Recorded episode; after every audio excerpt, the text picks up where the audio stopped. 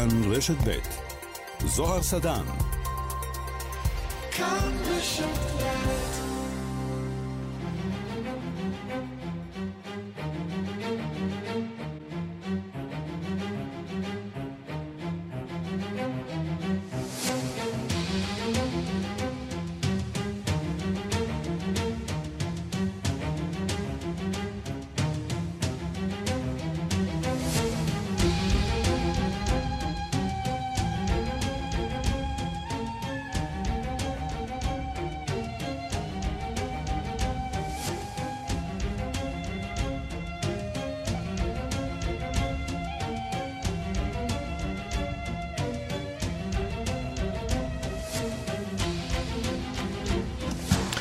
שלום לכם, שתיים וחמש דקות, השעה הבינלאומית, מהדורת יום ראשון, הראשונה בשבוע. אני זוהר סדן, והיום בעולם. אפגניסטן, כוחות הטליבן נכנסו לבירה כאבול לאחר שכבר השתלטו על הערים המרכזיות במדינה, על חלקן בלא קרב. מדינות המערב התחילו לחפש דרכים למלט את נציגיהן הדיפלומטיים ואת אזרחיהן מכאבול. ארצות הברית כבר שלחה כוחות צבא לעזור בפינוי אנשיה ממתחם השגרירות בבירה.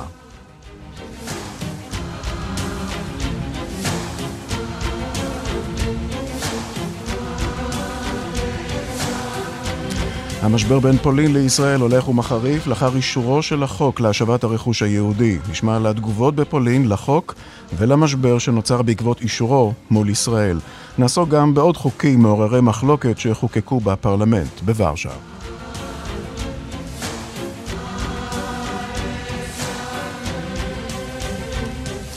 בהאיטי, רעידת אדמה עזה גורמת למותם של לפחות 304 בני אדם. זהו רעש אדמה עז יותר מזה שפקד את המדינה לפני יותר מעשור והחריב את האי.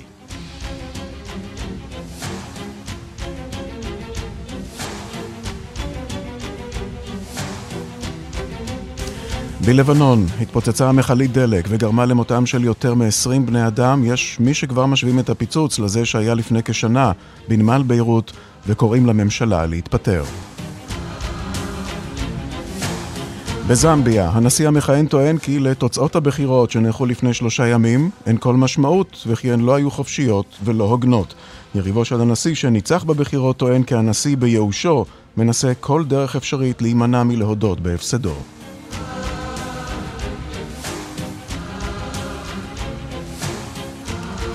הודו חוגגת במרכאות את יום העצמאות, הקורונה, הפטריה השחורה, נזקי טבע ומזג אוויר, כל אלו מעיבים על השמחה. ופסנתרן הג'אז האגדי, שאותו כינה דיוק אלינגטון, המהרג'ה של הג'אז, אוסקר פיטרסון, נולד היום לפני 96 שנה בקנדה. אנחנו ננסה לנחם את החדשות הלא כל כך מלבבות בצלילים נעימים משלו. השעה הבינלאומית. בצוות העורך זאב שניידר, המפיקים אורית שולץ ורחלי לוי, דני רוקשר על הביצוע הטכני, ושמעון דוקרקר. אני זוהר סדן, כבר מתחילים.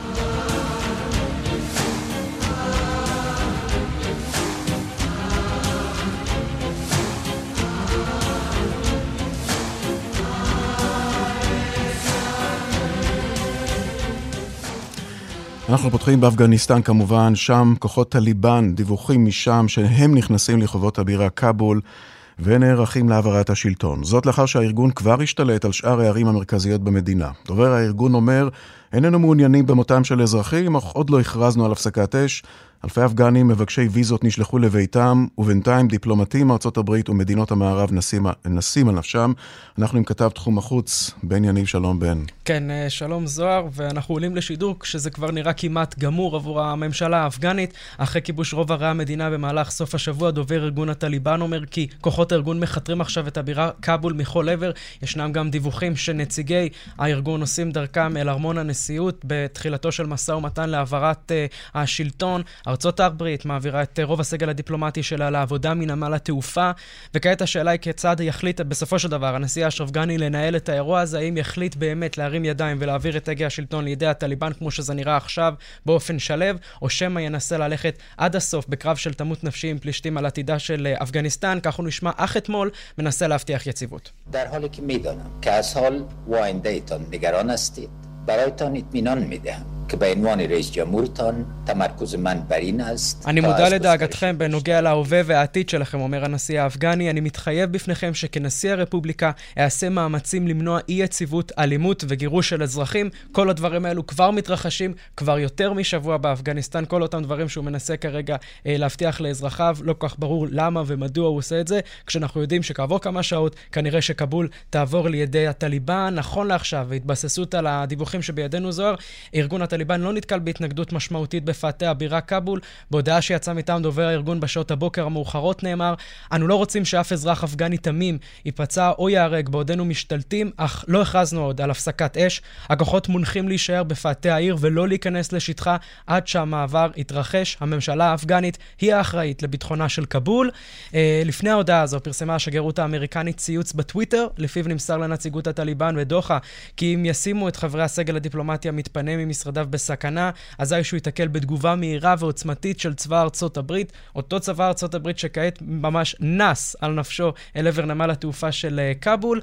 עם כניסת כוחות הטליבן לשערי כבול בשטח, נסגרו מיד משרדי הוויזות והדרכונים בעיר, ואלפי בני אדם שעמדו שם בתור בימים האחרונים וקיוו לברוח ברגע האחרון, נשלחו חזרה לביתם, ביניהם אולי גם עלי, ששירת כמתורגמן עבור הכוחות המיוחדים של צבא ארצות הברית עוד משנת 2011, והוא כמו רבים אחרים מרגיש שארצות הברית בגדה בו. הנה. We serve for the American forces, we serve for the US and ISAF forces. כן, אז עלי אומר לרשת סקאי, אנחנו שירתנו את הכוחות האמריקנים, הם צריכים לדאוג לנו, זה התור שלנו לקבל עזרה. אנחנו עזרנו להם, אנחנו הצלנו את החיים שלהם, אנחנו היינו האנשים שקישרו בין שתי התרבויות. בלעדינו, בלי המתורגמנים, הם לא יוכלו לעשות דבר. אז עכשיו הם, אנחנו נטושים ומפוחדים, והתשובה לכך היא בהחלט כן, אנחנו מפוחדים וחשים שהחיים שלנו עומדים בסכנה. אה, ומעבר לטרגדיה הספציפית הזו של עלי, אה, גם השעה הבינלאומית אה, ניהלה שיחה עם תושב כבול שמספר לתוכנית שלנו כיצד הוא מרגיש, והדבר הזה שהוא רואה את הממשלה ואת הצבא שלו נכנעים לכוחות הטליבן, בואו נשמע. These past two months of fighting and this complex situation was just like out of imagination of what was happening. כן, אז בשיחה בלעדית אה, לשעה הבינלאומית אומר תושב כבול שבחר כמובן אה, להישאר בעילום שם.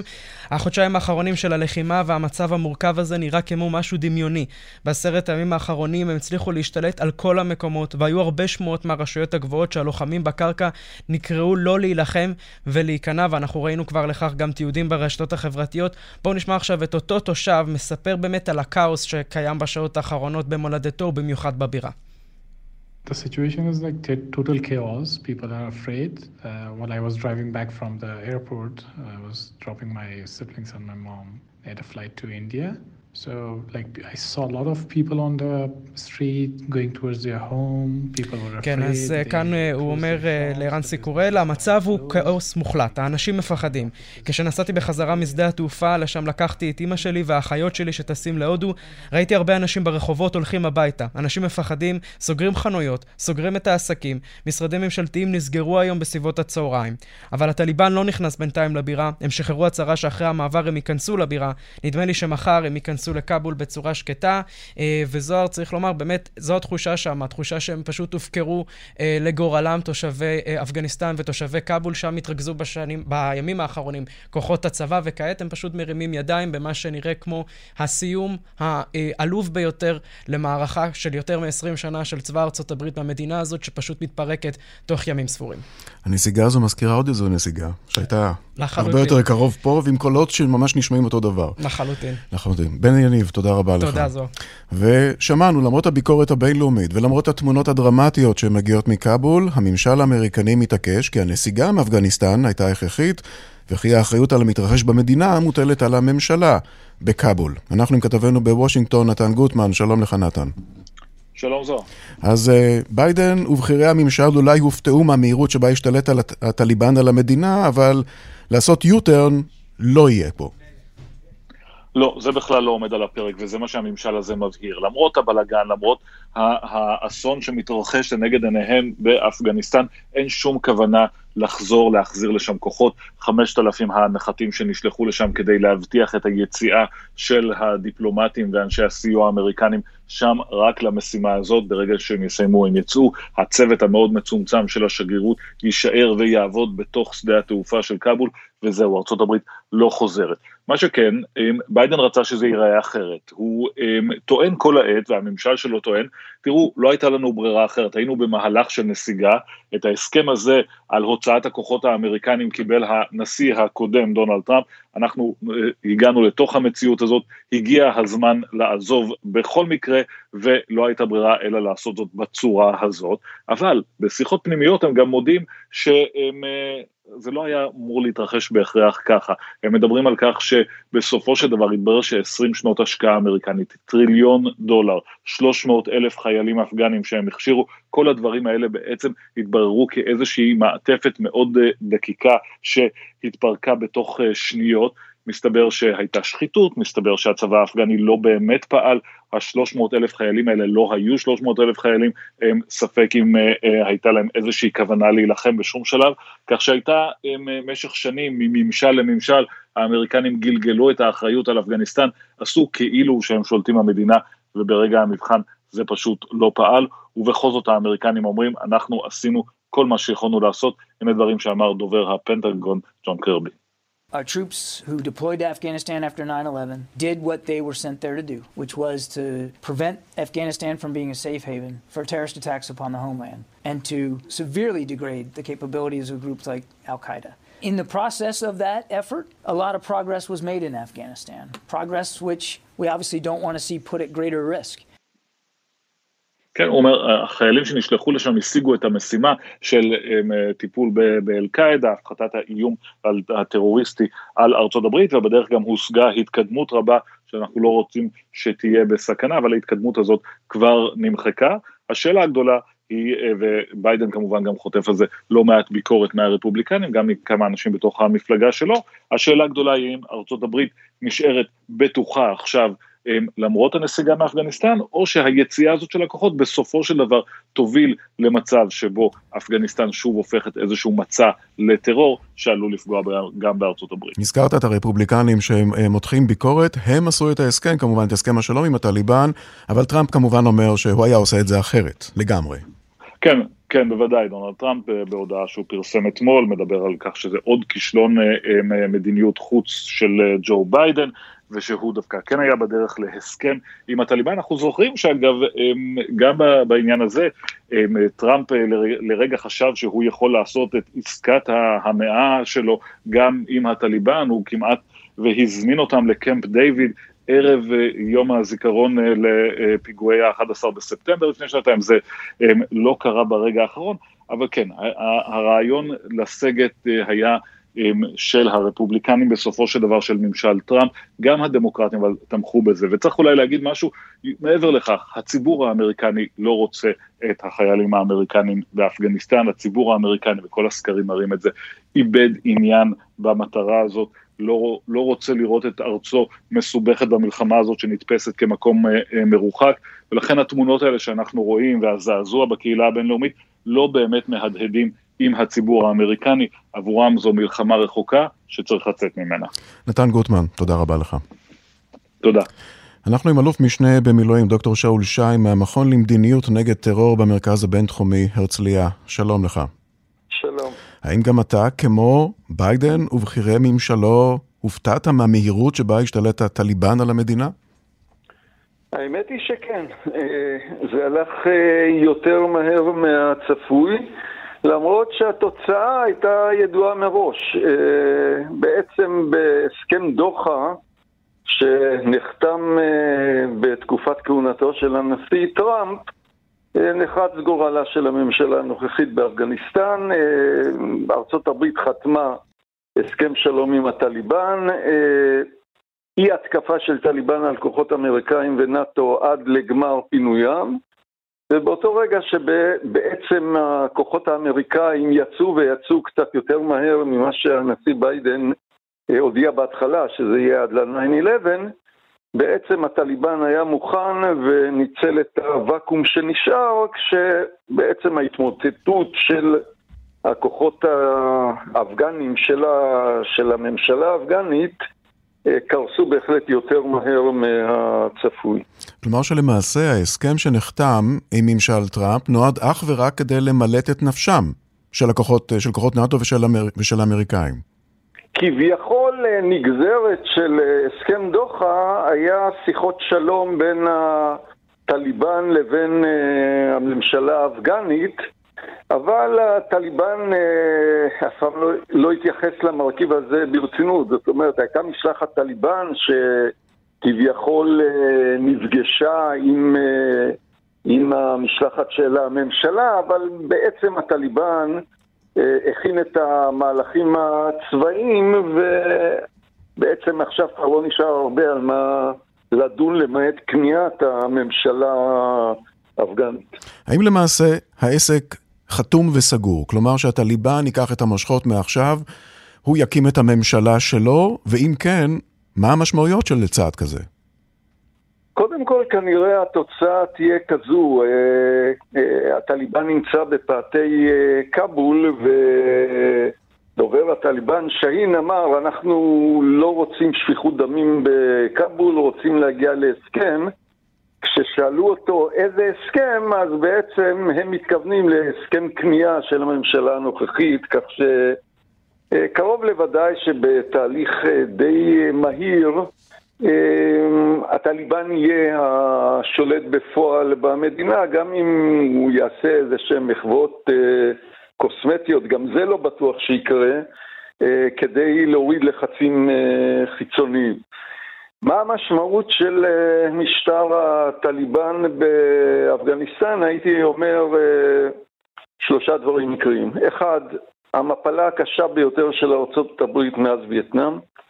אני חושב ש-20 שנה עם השקעת הון עתק בדם ודמים, אה, בעצם הביא חזרה את הטליבן לכאבול. אגב,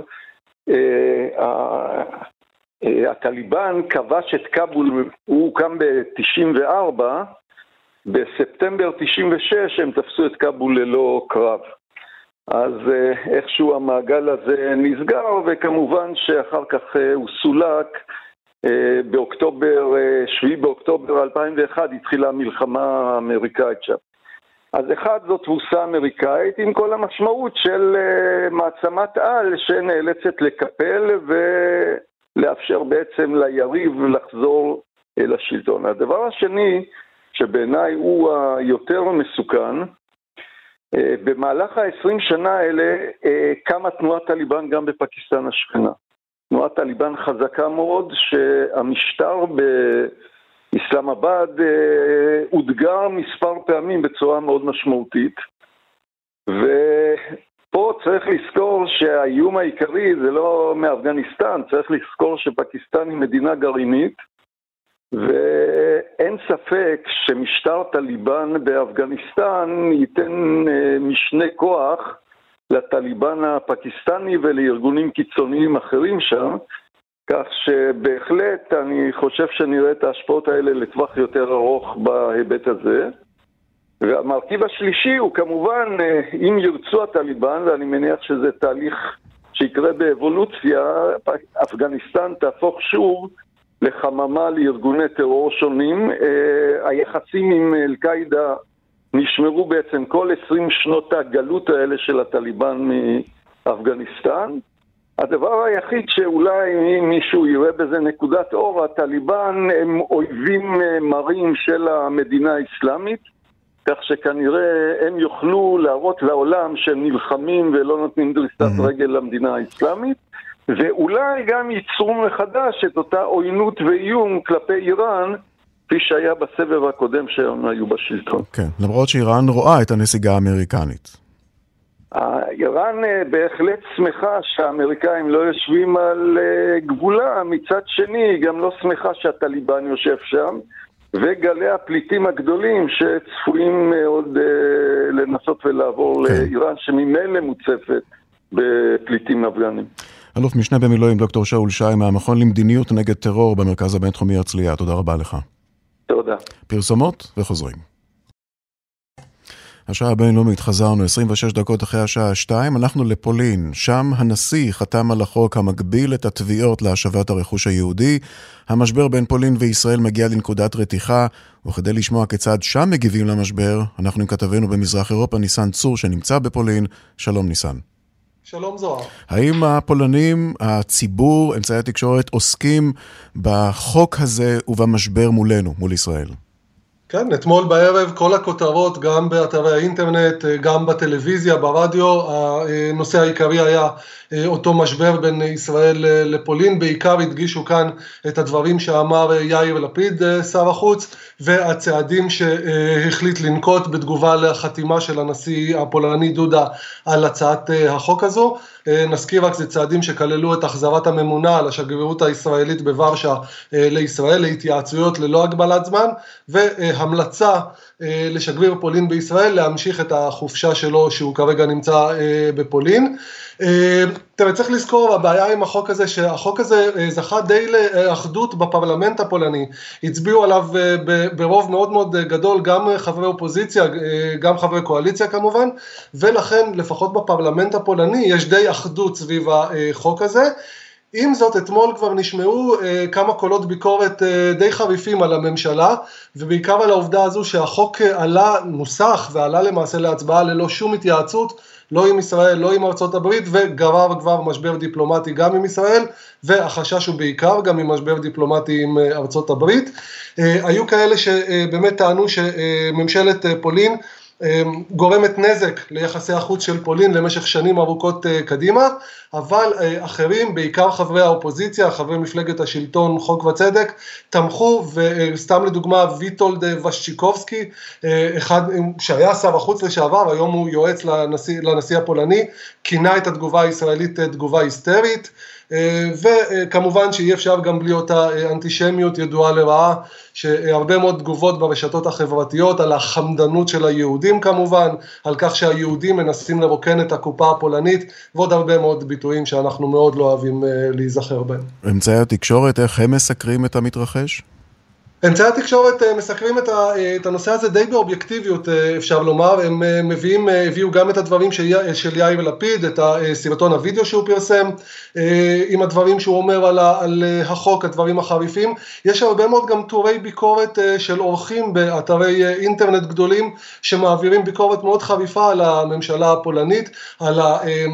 הרבה מאוד חוקים, לא רק החוק הזה, שהממשלה הפולנית מעבירה וגורמים באמת לנזק ליחסי החוץ של פולין. מצד שני יש כמובן את הצד האחר של אלו שמביעים תמיכה מוחלטת, כך שהתמונה בסך הכל, לפחות בכלי התקשורת, אלו שלא מזוהים עם השלטון, ויש גם כאלו כאן, היא די אובייקטיבית. הזכרת את... את הביקורת וחוקים אחרים, לא את החוק הזה רק, אז יש עוד חוקים שעומדים שם על הפרק, והזכרנו את, ה, את אמצעי התקשורת, מה שגם מחזיר אותנו לאותו חוק טלוויזיה שמדברים עליו בפולין. כן, מהרגע שמפלגת השלטון חוק וצדק עלתה למעשה לשלטון בסוף 2015, היא העבירה הרבה מאוד חוקים מאוד שנויים במחלוקת, אם זה על ביצוע הפלות, שכמעט נאסר על ביצוע הפלות, רפורמה בכלי התקשורת, בבתי משפט, והחוק האחרון שבאמת אה, אוסר על חברות מחוץ לאיחוד האירופי להחזיק בכלי תקשורת אה, פולנים, צעד שחברי האופוזיציה לפחות טוענים שנועד להשתיק אה, רשת טלוויזיה בשם TVN שנשלטת על ידי חברת דיסקאברי האמריקאית, והרשת הזו מאוד ביקורתית כלפי ממשלת פולין. ירוסלב גובין, אחד מראשי הקואליציה שפוטר מתפקידו לפני מספר ימים לאחר שהעביר ביקורת על הממשלה, התבטא בנושא, אפשר לשמוע מה הוא אמר. Chcę powiedzieć, że to jest projekt nie tylko jaskrawo sprzeczny z zasadami wolności słowa, pluralizmu mediów. To jest także... אני רוצה לומר שמדובר בפרויקט שנוגד בבירור את עקרונות חופש הביטוי והפלורליזם התקשורתי, זהו גם פרויקט הפוגע בצמיחה הכלכלית שלנו. הוא מסכן את הידרדרות האמון בהשקעות ויחסי החוץ של פולין, ומעמיד אותנו בניגוד לבעלי בריתנו החשובים ביותר, מבחינת ההגנה והביטחון של פולין, ארצות הברית. כך אומר אותו ירוסלב גובין. ומי שהגיב לו הוא דווקא נשיא פולין, אנג'י דודה, שהביע תמיכה במפלגת השלטון, ואפשר לשמוע גם אותו. Nie umiem sobie odpowiedzieć na pytanie, czy stoi przede mną i odbiera swoją dymisję człowiek, który אני nadal לא chce מצליח realizować למצוא ten תשובה לשאלה האם מולי עומד אדם שעדיין רוצה לממש את התוכנית הטובה ביותר לפולין, שעדיין רוצה שפולין תתפתח, או שעומד מולי אדם שהחליט לשנות את הקו וללכת עם מישהו אחר. זה מצב עצוב עבורי, חשוב לי לראות את הקואליציה עובדת יחד, ואני מאמין שהקואליציה הזו מסוגלת להציג את השינויים הטובים ביותר עבור פולין. אנחנו רואים, ניסן, גם אה, התעוררות של הציבור שאולי מודאג מפגיעה בדמוקרטיה עקב כל החוקים הללו? כן, כל החוקים האלה שהזכרנו עכשיו, גם נושא ההפלות, גם אה, הרפורמות בבתי משפט, בכלי התקשורת, גרמו, אה, גררו גם הפגנות ענק בכל אה, רחבי פולין, גם בשבוע שעבר בעקבות אותו חוק תקשורתי, גם לפני החוק, גם אחרי החוק, מחאה המונית בכל הערים הגדולות של פולין, וכן, יש תנועת מחאה מאוד גדולה, בעיקר של צעירים, שמרגישים שפולין קצת הופכת להיות פחות דמוקרטית מאשר הייתה עד 2015. ניסן צור, כתבנו במזרח אירופה, תודה רבה לך. תודה, תודה זוהר.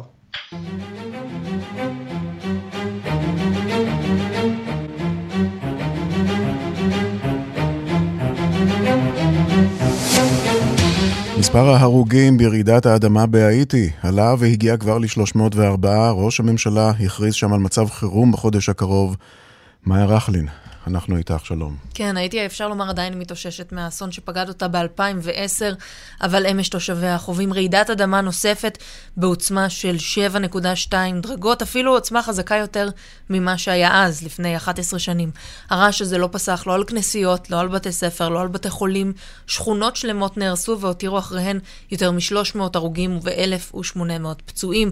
ראש ממשלת האיטי, אריאל הנרי, הכריז על מצב חירום בחודש הקרוב. Gouvernement décide matin décréter l'état d'urgence pour un mois suite à catastrophe ça. זוהי ההודעה של ראש הממשלה, שאמר אה, גם קרא לתושבי האיטי, הראו סולידריות זה עם זה, בואו נימנע מהפאניקה ונתמודד יחד עם האסון הזה. בנוסף, מבקש ראש הממשלה סיוע מהקהילה הבינלאומית. הצלב האדום ובתי חולים שלא נפגעו מרעידת אדמה כבר מסייעים באזורים שנפגעו, אבל ראש הממשלה בהאיטי אומר שיש צורך בעוד הרבה מאוד סיוע. כבר בארצות הברית הנשיא ג'ו ביידן הורה לשלוח צוותים הומניטריים להאיטי ומספר נוסף של מדינות הציעו סיוע, כולל ארגנטינה וצ'ילה, שם כבר מתארגנים לצאת אה, לאזור האסון. צלמים שהגיעו כבר מפיצים תמונות של אזרחים שמסתובבים ברחובות הרוסים, בניינים שלמים שפשוט התמוטטו ואבק כמובן בכל מקום.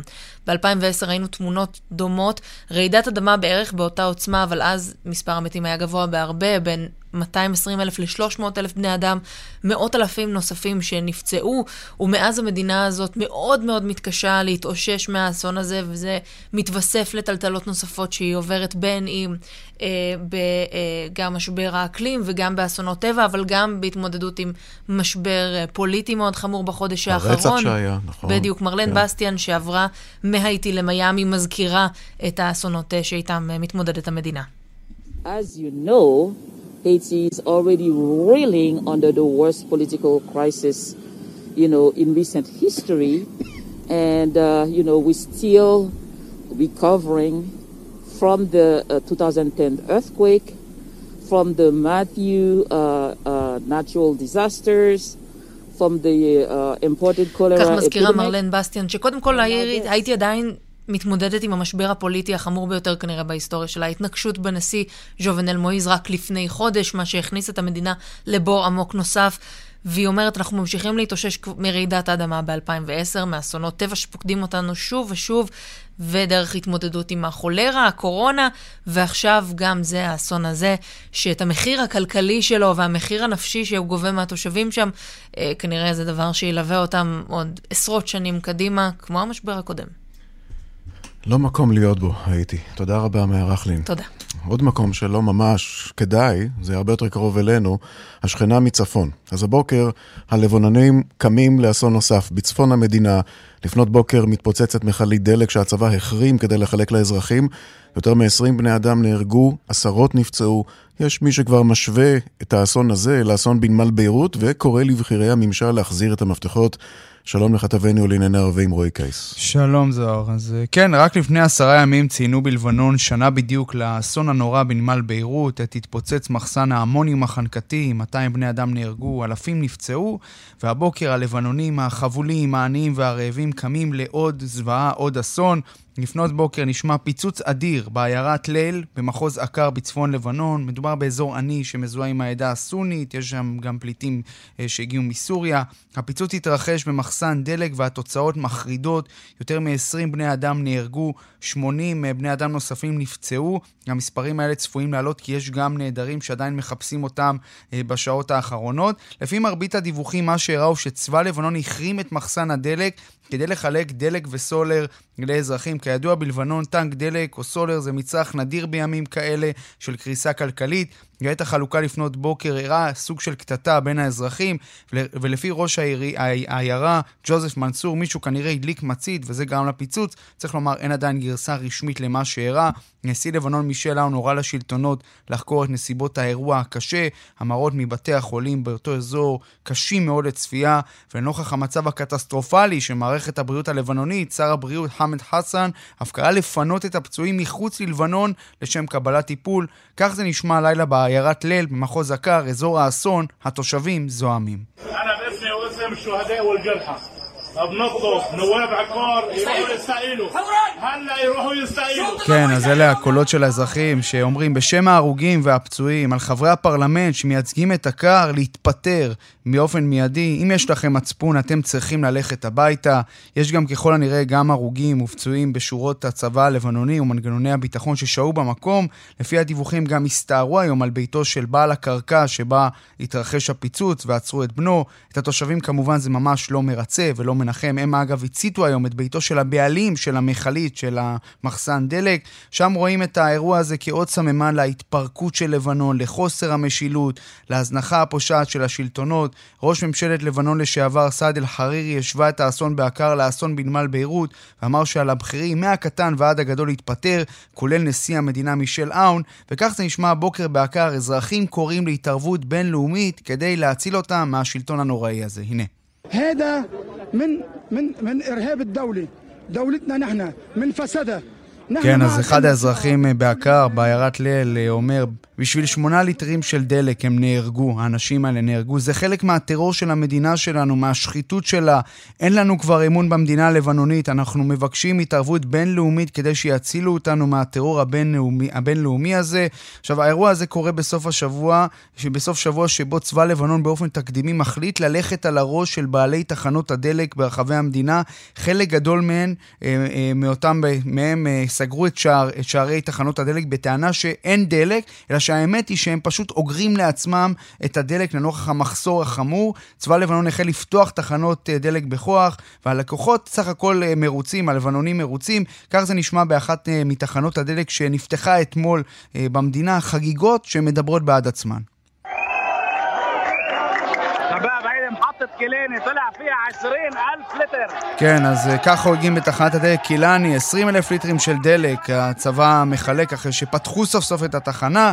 נזכיר שהמהלך הזה של צבא לבנון מתבצע בצל העימות החריף בין נגיד, נגיד הבנק המרכזי ריאד סלאמה לבין הנשיא והממשלה, אחרי שהראשון, הנגיד, החליט לבטל את הסובסידיות של הדלק בטענה שהכסף נשפך לשווא והאזרחים לא באמת מקבלים את הדלק. אבל כמו שאנחנו רואים, גם כשהם כן מתחילים לקבל את הדלק ומחלקים מחלקים להם, האסונות לא מרפים מארץ הארזים שממשיכה ללקק את הפצעים יום אחר יום. רועי קייס, תודה.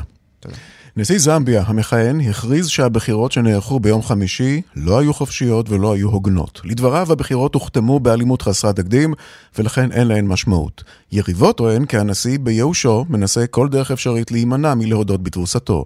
מדווחת עורכת לענייני אפריקה, רינה בסיסט. ביום חמישי האחרון נערכו בזמביה בחירות לנשיאות. ועדת הבחירות המרכזית של זמביה עוד לא הודיעה על תוצאות רשמיות. לאורך מערכת הבחירות טענו המומחים שהנשיא המכהן, אדגר לונגו, צפוי לנצח בבחירות. גם ביום הבחירות עצמו הפגין הנשיא לונגו ביטחון מוחלט בניצחונו.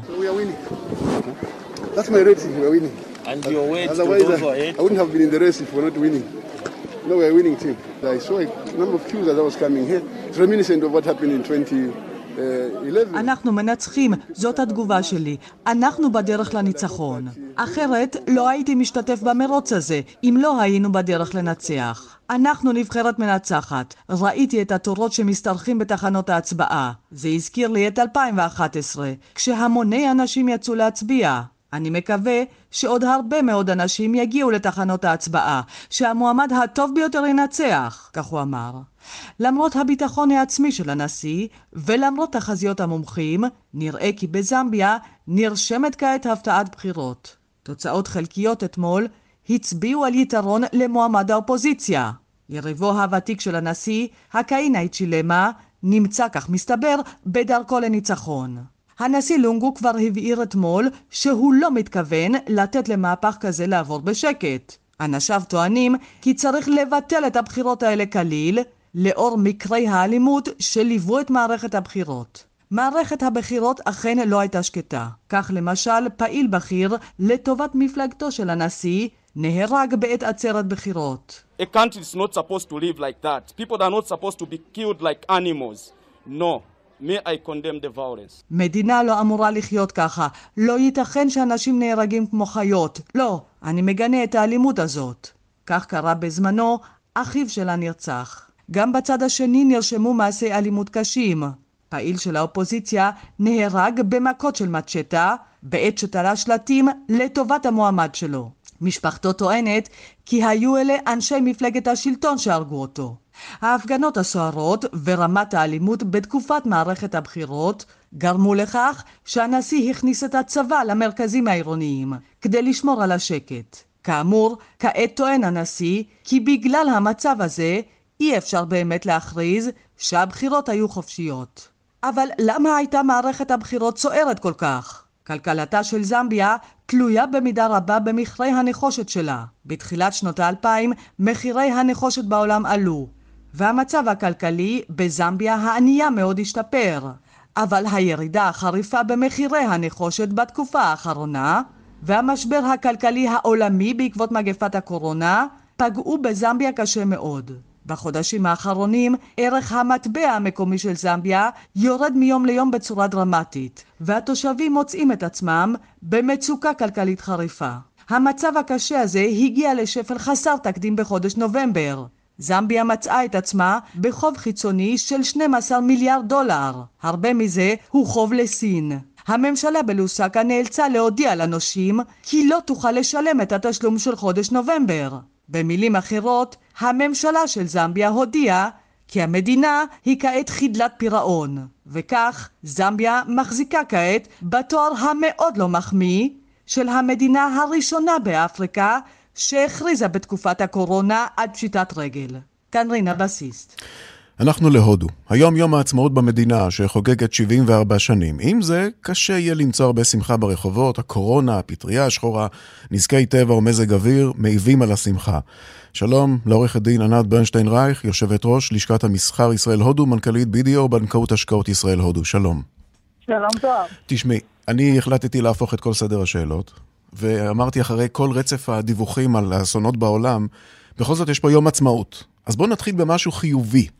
כי חייב להיות משהו חיובי ביום עצמאות, אמנם עם כל מה שהזכרתי, עם המחלות והמגפות ופגעי מזג האוויר, אבל בואי תתני לי משהו אופטימי. אני אגיד לך מה חיובי. יא, בבקשה. אחד, הודו זכתה בשבע מדליות. ובשביל, ובשביל הודו זה בהחלט הישג, כי בריו הם קיבלו רק שתיים, והם רגילים לקבל מעט מאוד מדליות. אה, חשבתי שרק אנחנו, אוקיי. אז כן, רק שהם מיליארד נקודה כן. שלוש ואנחנו, אתה יודע. כן. אז יש פה שמחה גדולה, ומודי בעצרת העצמאות שלו הזמין את המדליסטים האולימפיים ואת כל הסגל להצטרף אליו, ובהחלט הם חוגגים את המדליות שלהם. וזה בהחלט מכובד, כי זה צמיחה משמעותית מהשתיים, ולפני זה גם מספרים של אחד, אני זוכרת בשנת 2000 זה היה די משעשע שמדינה כל כך גדולה קיבלה מדליה אחת. אז אנחנו בשבע מדליות ואפילו זהב, והודו מאוד שמחה. הדבר השני שהוא מאוד אופטימי זה שהבנק העולמי הוציא תחזיות צמיחה להודו, ותחזיות הצמיחה מאוד מעודדות. ב-2021 צופים שהצמיחה של הודו תעבור את ה-8%, ותמשיך ככה גם בשנה הקודמת. יש גם כאלה שאפילו צופים צמיחה של עשרה אחוז. כך שהכלכלה של הודו, על אף שהיא התכווצה בשנה שעברה, עושה rebounding back צמיחה משמעותית, ורואים את זה, רואים את זה בהודו. על אף הקורונה, הכלכלה חזרה, יש עסקאות, אה, יש צריכה משמעותית. מה באמת מניע את הכלכלה הזאת שם בהודו, ועל מה מבוססת ההערכה הזאת של הבנק העולמי? תשמע, כשיש כלכלה של מיליארד נקודה שלוש איש, ויש uh, מעמד ביניים של למעלה מ-400 מיליון, אז uh, הם קונים uh, כל מה שאתה קונה. הולכים לחנויות, האי-קומרס, המסחר האלקטרוני צמח מאוד משמעותית בתקופת הקורונה כשלא יכלו לצאת. עסקאות גדולות, ג'יו, פייסבוק קנתה את ג'יו שהיא חברה מקומית ועוד כמה עסקאות משמעותיות, וולמרט ופליפקארט. כך שמבחינת המסחר האלקטרוני הוא נותן בוסט רציני לכלכלה ההודית. למרות שהודו זו מדינה, אחת המדינות המוכות ביותר במגפת הקורונה. אה, בוא נסתכל על זה ככה, הודו בהחלט מוכה, ואנחנו עכשיו. אנחנו, כן, סיימנו עכשיו, סיימנו, סיימו בהודו את הגל השני, אה, צופים שיתחיל גל נוסף לצערנו. אבל היום אה, ההדבקה בהודו היא נמוכה יחסית, 40 אלף אה, איש ליום. אם תשווה את זה ל-4,000 שלנו, זה לא נורא. Mm-hmm. הודו חיסנה כבר קרוב ל-416 איש, את רובם במנה ראשונה, מעל, קצת מעל 100 מיליון במנה שנייה, אבל צופים שעד סוף השנה, סוף דצמבר, יחוסנו 900 מיליון איש. בואו ניכנס לפרופורציה. אגב, אגב באיזה חיסון הם חוסנו? אז יש כמה חיסונים. המשמעותיים זה אסטרזניקה, שיש ייצור מקומי של חברה בשם סרום, יש בהראט ביוטק שזה חיסון מקומי, ועכשיו גם אה, הרוסי וג'ונסון אנד ג'ונסון קיבלו אישור בתהליך מזורז. בהודו היום מחסנים 4 מיליון חיסונים ביום. בואו נקבל, uh, אני תמיד אוהבת את חוק המספרים הגדולים בהודו. כך שאנחנו מדברים פה על 50 אלף שלא חוסנו, 100 אלף שלא חוסנו, מיליון. ארבעה מיליון איש מחוסנים ביום, ומאמינים, זה התחזיות של מודי, שבאוגוסט, זה אומר עכשיו, זה, זה יקפוץ לפי שניים, וככה הם יצליחו להתגבר על התחלואה הקשה. ומקווים שגם הגל הבא לא יהיה כל כך נורא, כי באמת הגל השני הגיע גם ל-400 אלף איש ביום, שזה כן. באמת היה עצוב. אה, מודי מכריז על אה, תוכנית כלכלית חדשה, תוכנית של השקעה בתשתיות של מיליארד וחצי דולר. במה הולכים להשקיע בעיקר? כבישים, אה, ערים חכמות, נמלים, אזורי תעשייה, אזורי, אזורי תעשייה לאורך הכבישים הראשיים mm-hmm. בין הערים. הם מדברים על עצמאות אנרגטית, שזה מאוד חשובה, הנחת קווי אינטרנט, fiber לערים, ל rural India, מה שנקרא, למרחב הכפרי, עצמאות אנרגטית, אמרתי, תחנות כוח, וכו' וכו', הרבה מאוד אה, תוכניות יש למודי, בנאום לאומה שלו הבוקר, הוא דיבר על כל התוכניות האלה, הוא דיבר גם על העצמת האיכר, וזה חשוב כי העיקרים אה, מחו בחודשים האחרונים, ומודי מבין שכדי להישאר בעמדה שלו עוד שנים ארוכות הוא צריך לדבר עם החקלאים, אז זה היה אחת הנקודות המשמעותיות שהוא דיבר היום בנאום אה, יום העצמאות. ענת ברנשטיין רייך. אמ, טוב, בכל זאת, הנה, קצת חיוך בזווית הפה, יש. זה כבר משהו. יושבת ראש לשכת המסחר ישראל הודו, מנכ"לית BDO בנקאות השקעות ישראל הודו. תודה רבה לך. תודה, בריקות.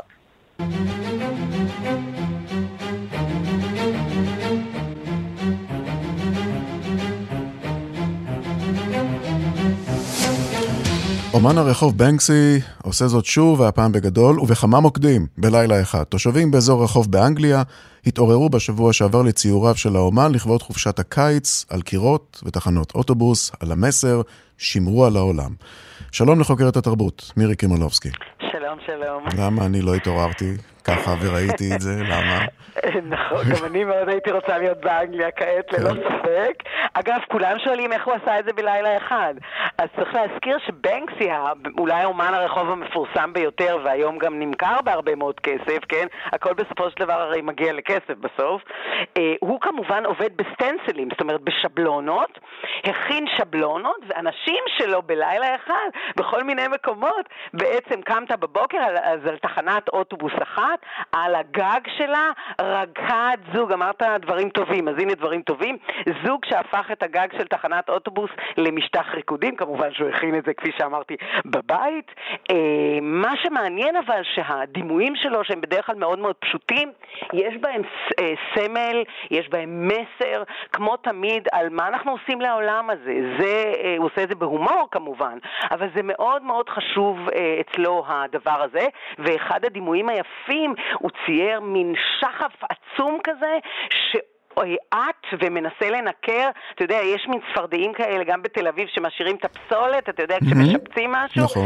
אז זה כמובן צפרדע אמיתית עם פסולת, ועליה העוף הזה, שוב, מקום שכנראה השאירו את זה, לא פינו את זה, אתה יודע, אנחנו חושבים שרק אצלנו יש בלאגן, לא כך הוא כמובן, אז שם הוא מצייר את הדברים שלו שהם בעצם מה שאנחנו קוראים טרומפליי, זאת אומרת, הטעיית העין, מתחברים לדבר אמיתי ואתה לא יודע מה אמיתי ומה לא. אחד הדברים היפים הם, ש... וזה בכלל צריך להגיד על אומנות רחוב, שאנשים שאתה יודע לא הולכים בכלל למוזיאונים וכולי, מקבלים בדרך עקיפה את זה, וזה לדעתי באמת הכוח של הדברים האלה. האומן אחר כך גם עושה כסף. אני רוצה להתחבר דרך זה לעוד אומן שהוא אומן רחוב, שפועל בפריז ומכר עבודה, כי הפעם הוא עשה, הם כולם מתחילים מהרחוב, אבל הם כולם רוצים כמובן להגיע בסופו של דבר למכירות ולמוזיאונים, יצא את דמותו של הדלאי למה מהקוביות האלה, כמו של הקובייה ההונגרית. אצלנו היו קוראים לזה הקובייה ההונגרית, אם אתה זוכר. בהחלט. לא הצלחתי אף פעם, כן, בטח. גם אני לא. כן. וזה נמכר ב-550 אלף אירו. בוא נשמע את האוצר של בית המכירות המצליח הזה. Au public, son sourire énigmatique, spirituel. Aujourd'hui, nous avons une rencontre au sommet et un moment de spiritualité avec cette œuvre magistrale d'Invader, le Rubik Dalai Lama. À travers cette œuvre, il continue son exploration du כן, זה מה ש... לא, אבל הספיריטואל הוא כמובן על הדלאי למה. אגב, אני אומר שהיצירה הקודמת שלו נמכרה בסך הכל ב-480 אלף אירו, והיא הייתה של המונליזה. אז הדלאי למה, והוא מסביר, הדמות האניגמטית הזאת, הרוחנית, הנה, היא לקחה, היא מכרה ביותר כסף, יותר הצליחה. שוב, זה אומן שאנחנו לא יודעים מי הוא, כמו בנקסי. אגב, את בנקסי רוב האנשים שקשורים לאומנות כן מכירים. והכוח הוא מכל הנושא באמת שאנחנו לא יודעים, האניגמטי הזה, והוא קורא לעצמו, או לאומנות הזאת, רובי קוביזם. אז אם לא ידעת, יש לנו קוביזם חדש, היה פעם פיקאסו, היום יש איש חדש, והעבודה הזאת נמכרה, ואתה רואה שבאמת זה מעניין לראות איך אומנות הרחוב מחלחלת גם פנימה, אבל כמו שאמרת, בסופו של דבר כולם רוצים להרוויח, כולם רוצים להצליח, כן. כל אחד בדרך שלו. יפה. מירי קרימלובסקי, אני גם בטוח שתהני מהצלילים האלה, שכבר מושמעים ברקע. תודה רבה לך. תודה לך. Hmm.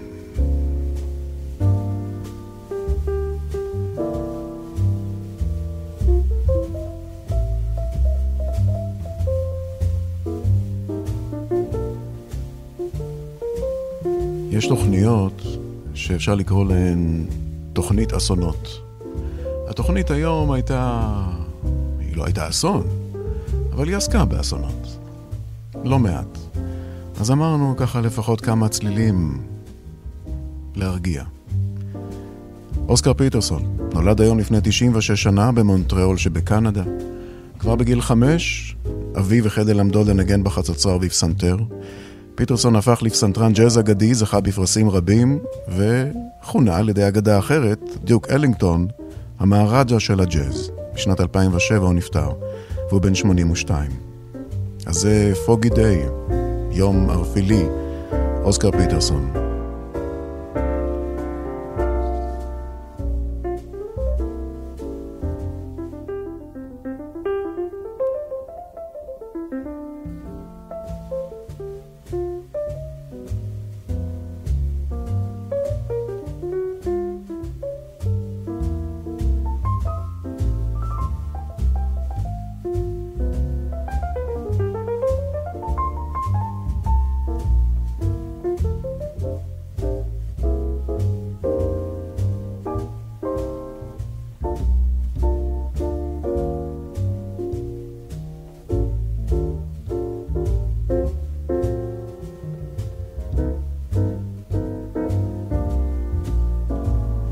כאן, השעה הבינלאומית, מהדורת יום ראשון. תודה לעורך זאב שניידר, למפיקות אורית שולץ ורחלי לוי, הטכנאים דני רוקי ושמעון דוקרקר, תודה לבר שפר על הסיוע. אני זוהר סדן, גם מחר נהיה כאן בשתיים, אחרינו רגעי קסם, עם גדי לבנה, יום שקט ונעים. thank you